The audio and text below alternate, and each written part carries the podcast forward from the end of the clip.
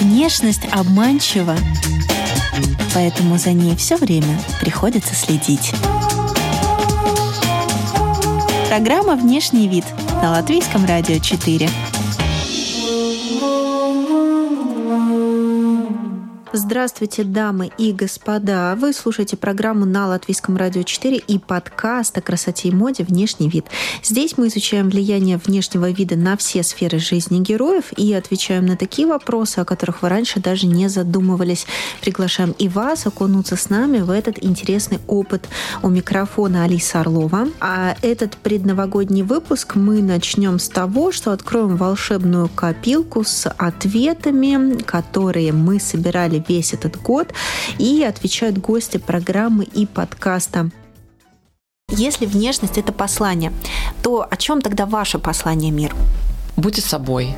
Вот э, выглядите так, как вам нравится. Спорт не портит фигуру, не портит внешность и не портит э, вашу женскую сексуальность. Я выгляжу намного моложе своих лет и э, часто это слышу от людей. Я несу людям какой-то определенный пример что все э, не то, чем кажется. Возможно, не настолько верить трендам и каким-то о том, что нам заставляют поверить, что это сейчас красиво, а верить своему внутреннему миру. Игривость, э, немножко такое желание какие-то подрывать какие-то э, общепринятые там стандарты. Как считывает меня человек, я об этом даже не думаю. Ты должен показать, что вот есть, да, одинаковый человек с тобой, но ты от него чем-то отличаешься, и ты это ты.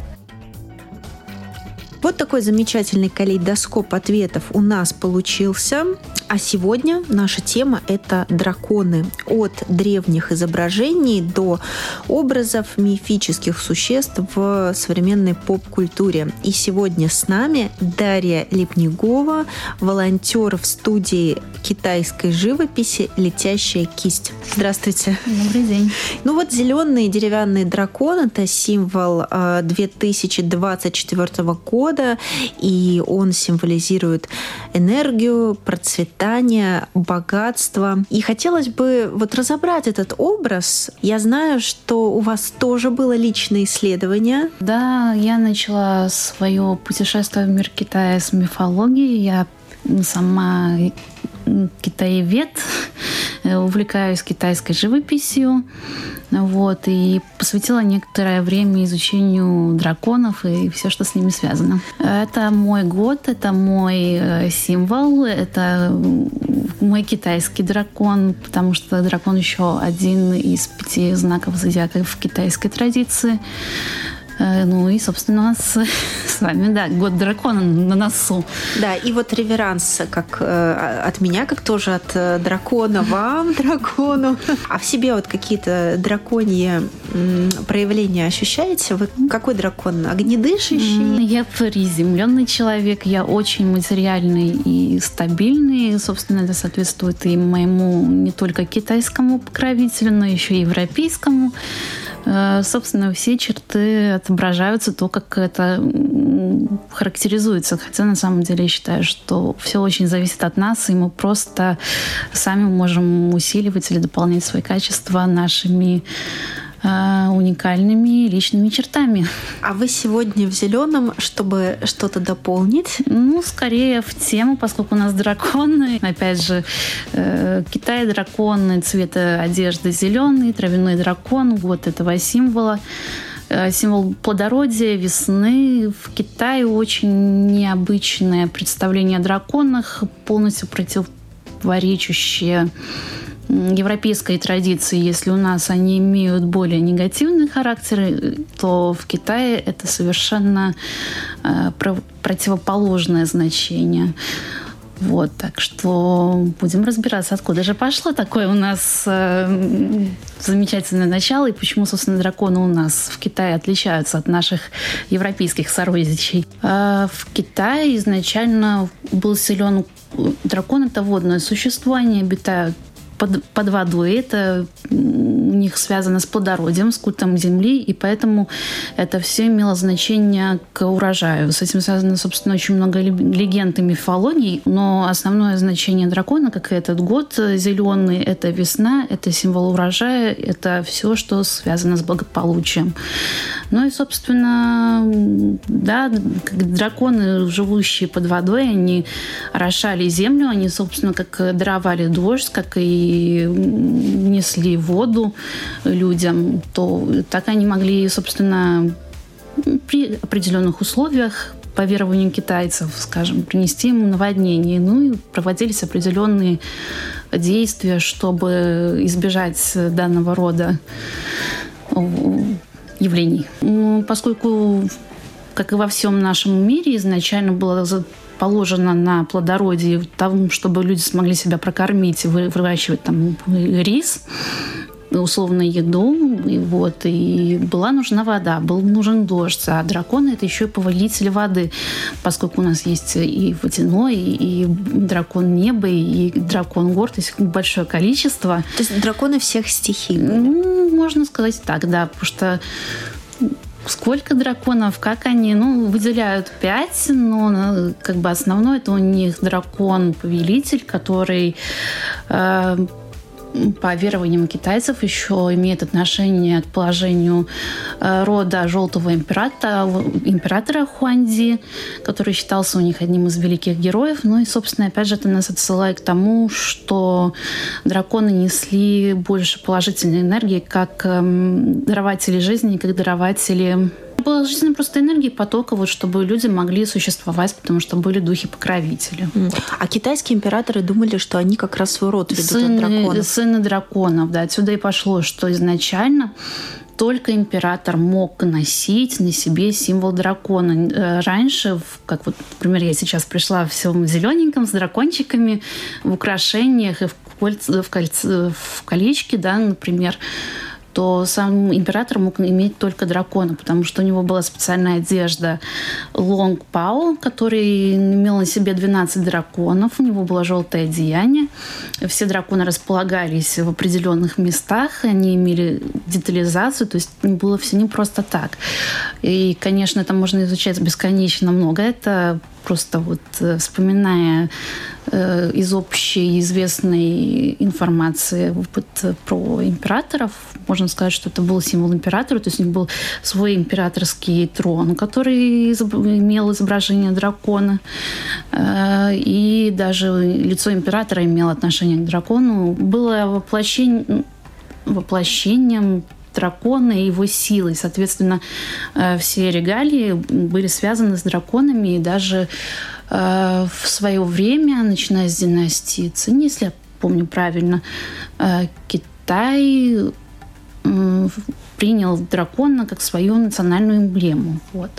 Только именно император-мужчина мог иметь э, символ дракона, так как он еще выполнял э, ритуальную функцию. То есть, если надо было, во-первых, драконы в самом доме и в храме имели, ну, то есть могли быть только в храме и только в замке. Нигде в других местах у простых китайцев на те времена э, дракона изображения ну, нигде не могло быть, потому что это считалось святыней, и чтобы вот призывать э, дожди, у, у, улучшать свое плодородие, собственно, все, что связано с, зимой, э, с урожаем и с едой, это э, привилегии были э, знати. Э, знати, и, и то есть император давал им возможность приносить вот в храмы свои жертвы, подношения и задабривать дракона для э, орошения земли почвы. Но другие, к сожалению, такой возможности до наших дней не имели. Понятно, драконы были э, для привилегированной э, части общества, но в современном Китае уже не так. Уже не так. Начиная по-моему, с 17 века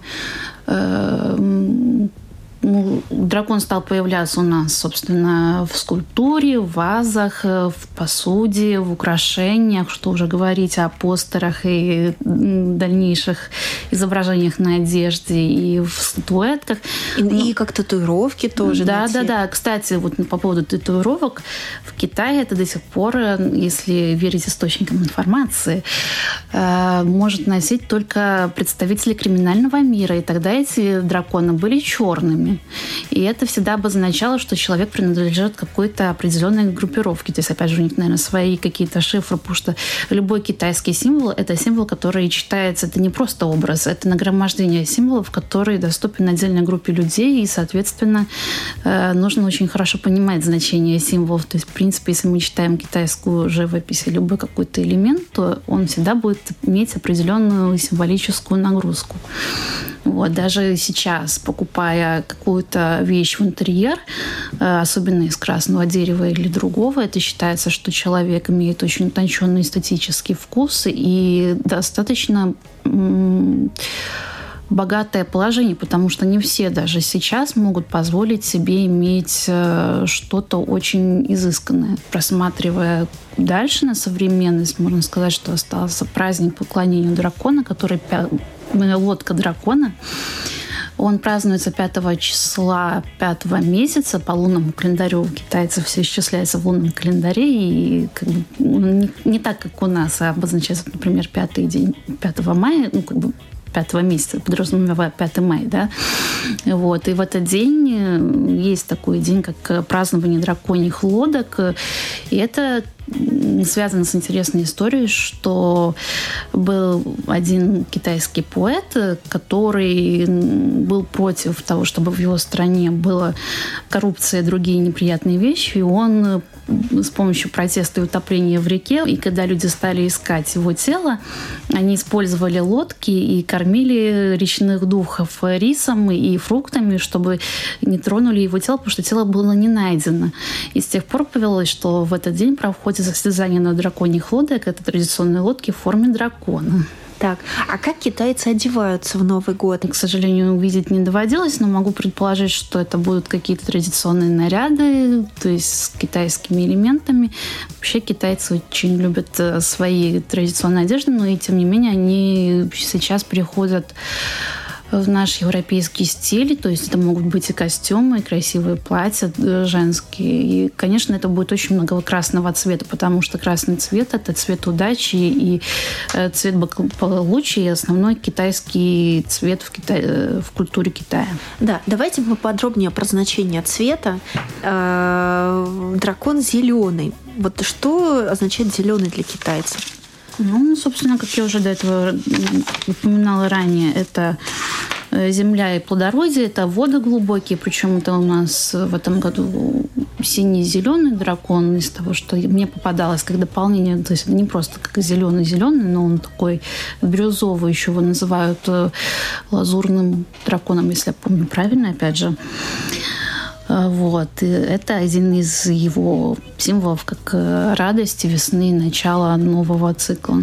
Золотой – это символ власти, желтый же – это символ богатства, потому что золотые и желтые оттенки, они были благородными, вот, но это все имело отношение к императору, собственно, по большей части. Рисование на шелке. Это же тоже э, китайское искусство? Это отдельный вид искусства, но он имеет в основе свою традиционную китайскую живопись. Насколько я знаю, к нему применяется стиль гунби чаще, но это, опять же, может быть очень всего много и разного. То есть это как бы один из видов искусства, потому что основное это, конечно, в Китае каллиграфия, это иероглифы, это э, стиль сии, стиль, быстрый стиль, такой пишущий. Гунби более тонкий, сконцентрированный, он э, основан на детали и на внимание. Угу. Да. Ну, то есть а, драконы были в интерьере, в архитектуре, а, драконы были в живописи, а, драконы были на одежде, в виде вышивок. А, гобеленов очень много, да. То есть, опять же, это просто как э, более понятно, что все сводилось к тому, что дракон это вообще символ денег, это благополучие, это вот всего э, достатка и таких вот э, признаков знать, ну не то что знать, а как э, человека благородного. А как вы думаете, жить каждый день в таком количестве образов, которые что-то за собой несут, это утомительно все-таки для человека или нет? Если брать данный промежуток времени и современный мир Китая, то он уже утратил, к сожалению, свое такое сакральное значение. Он стал больше образом поп-культуры, потому что ну, дракона никто не видел. Ну, символ, да, он сейчас немножко по-другому воспринимается, вот утратил свое значение. И, и, и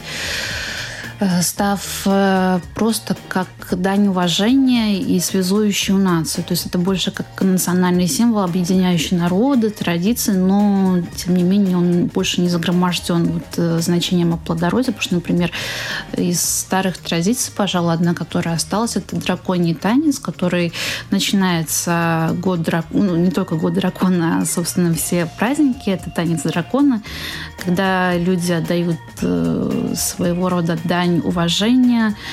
И таким образом раньше, кстати, призывались, опять же, драконы для того, чтобы были дожди. То есть, когда не было долгого периода дождей, чтобы была, опять же, плодородная почва и и урожай хороший, собственно, от урожая идет достаток, богатство и способность людей покупать, да, ну, то есть все взаимосвязано.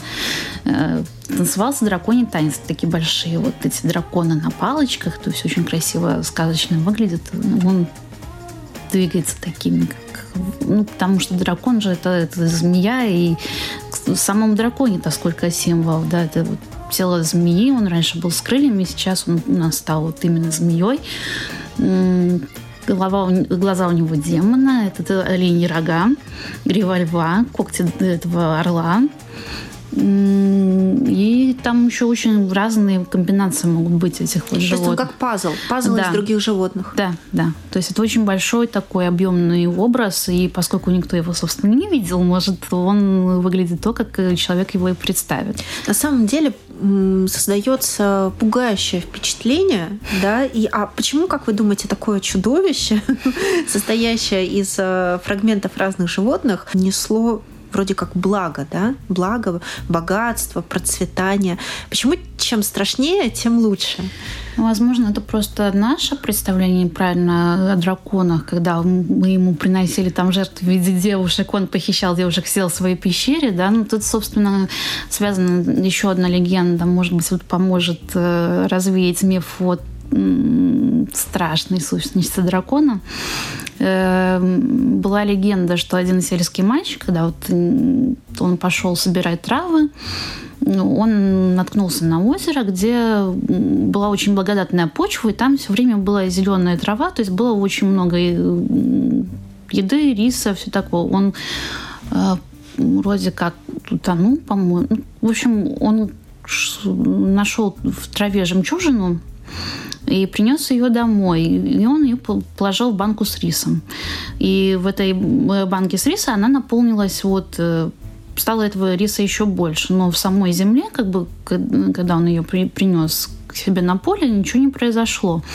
А когда он увидел, вот, что в банке этот наполнился рис, он понял, что почему на той почве э, земля была хорошая. Это дело было в этой жемчужине, потому что драконы, кстати, питались жемчужинами э, вот, э, водяные. А когда, собственно, глава деревни узнал, вот, что теперь мальчик может вот так вот увеличивать свой урожай, он, конечно же, захотел забрать эту жемчужину силой, но мальчик не дал, и он эту жемчужину съел, и он превратился в дракона и стал защищать свою деревню, ну, спрятал жемчужину, и пошел, собственно, дальше э, в небо улетел. То есть, ну, покровительствовал потом деревне, чтобы вот э, приносилось урожай. Стало понятно, что это было за жемчужина. Почему современному человеку это до сих пор настолько интересно, что мы готовы даже этот символизм э, проносить через э, наш современный мир. Вы, кстати, в том числе как э, специалист э, в IT-секторе, да, человек, который э, работает в информационных технологиях. Вот, может быть, у вас есть ответ на этот вопрос? Наверное, привлекательность эстетики в самой китайской живописи, то, как проведены линии, то, как этот образ сочетается, И именно то, как это дает возможность насладиться прекрасной все-таки жив, живописью, сложностью композиции. Опять же, облака, дракон с этой жемчужиной, которая э, несет чаще в себе смысл как э, это выражение своей энергии, это своего творческого потенциала, потому что каждый дракон уникален тем, что Э, его создает художник, и художник видит по-своему, он таким образом передает свою энергию и свой э, смысл, вкладывает туда свои понятия, поэтому, может быть, мы пытаемся дотянуться, представить себя такими э, я бы не хотела сравнивать с понятием императора, но скорее просто как э, людьми, сумевшими прикоснуться к этим мифическим существам и притянуть к себе удачу и э, насладиться образом такой великой древней культуры, наверное, вот. И это все так блестит, это даже так красиво, и золото, и жемчужина, и императоры. И... Смотрите, возможно, мы в следующем году уже одной ногой будем жить в метавселенной. При всем при этом мы каждый год э, с огромным удовольствием готовы э, слушать прогнозы астрологов э, о том, в чем лучше встречать Новый год. Ну, в зеленом, значит, в зеленом.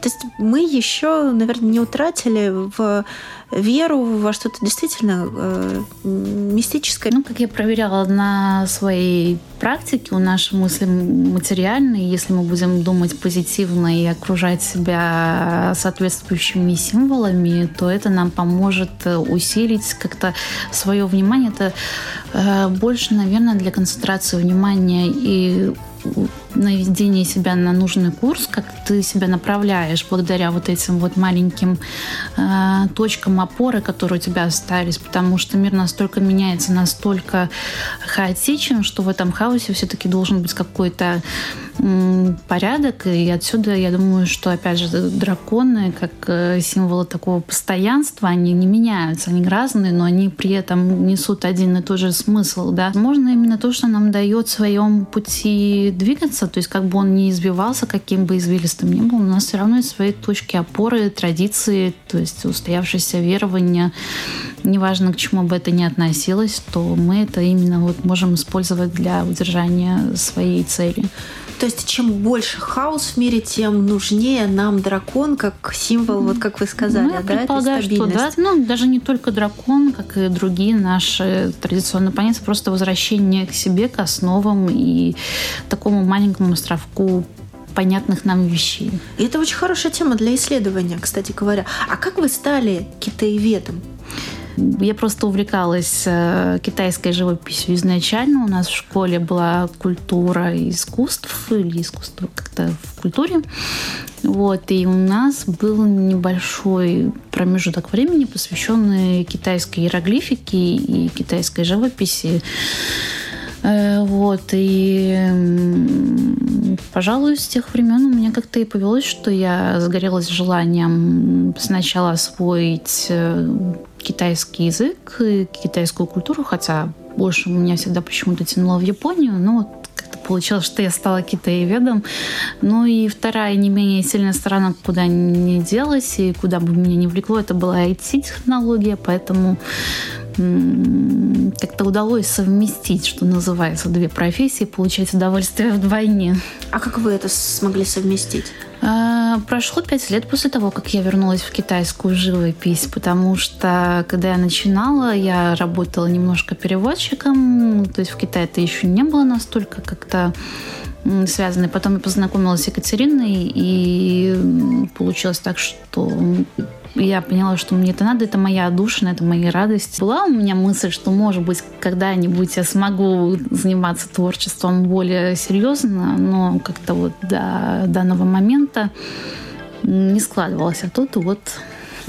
А как узнать китаеведа, допустим, в другом городе, не имея никакого понятия о профессиональной принадлежности, только основываясь на а, внешнем виде, на каких-то внешних проявлениях специалиста? Наверное, это будут какие-то особые украшения или предметы, хотя это уже не такой показатель, мне кажется, в нашем мире, как это могло бы быть раньше, потому что, ну, я понимаю, что каждый человек будет носить там браслетик из красной веревочки или еще какую-нибудь китайскую штучку, табличку просто так, но это, по крайней мере, будет указывать на то, что человек интересуется данной сферой. Ну а уж специалистом в данном предмете или нет, это уже будет э, труднее узнать. Да. Расскажите о ваших штучках сегодня. У вас красивые сережки.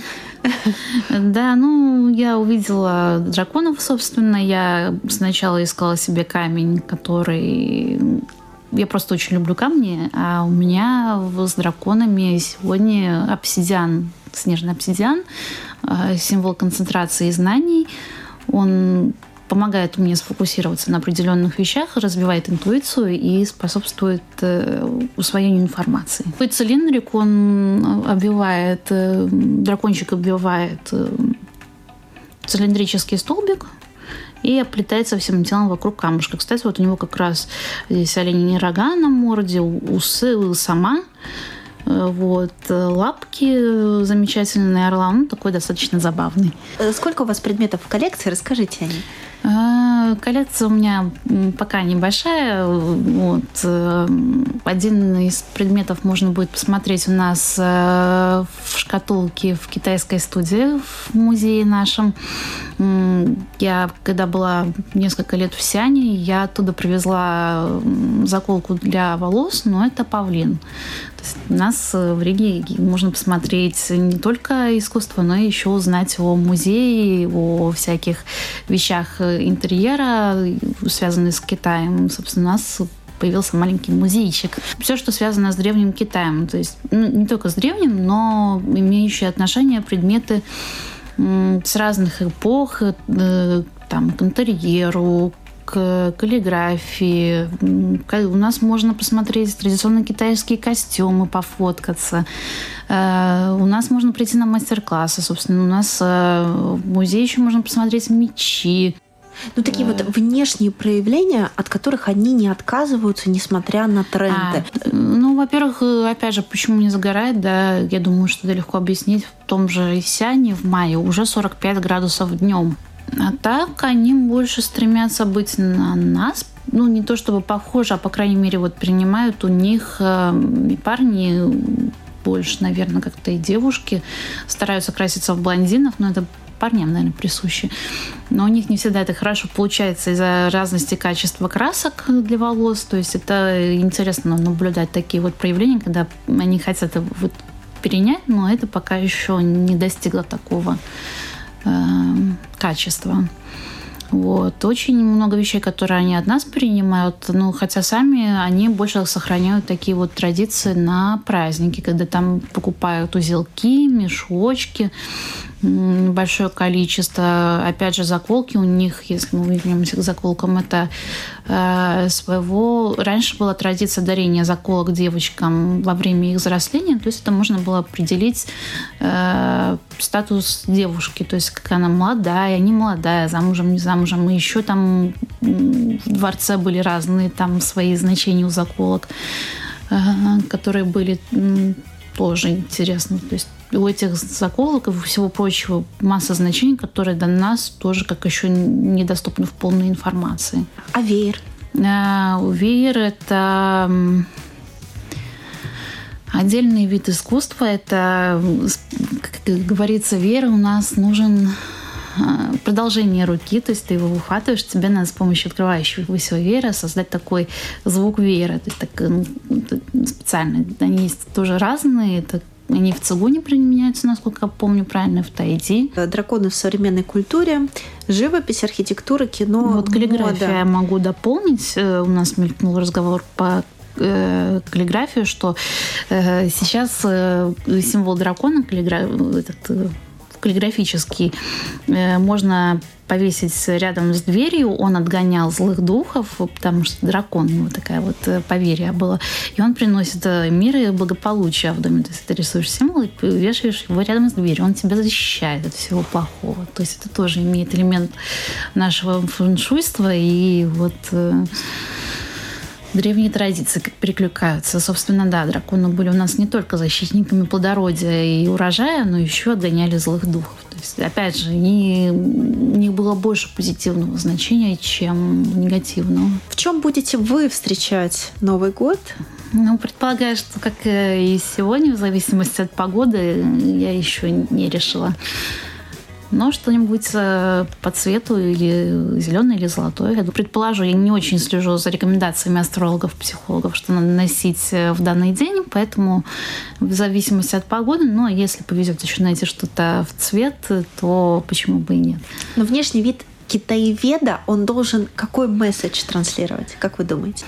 Я наблюдала за своими коллегами-востоковедами, определенно это любовь к своему делу. Я еще, пожалуй, в поисках своего стиля в этом направлении. Я больше пока занимаюсь представительскими работами, поэтому я довод... Мне доводилось бывать в традиционных нарядах, но вот для повседневного стиля я еще не придумала себе какую-то такую, ну, кроме как украшений.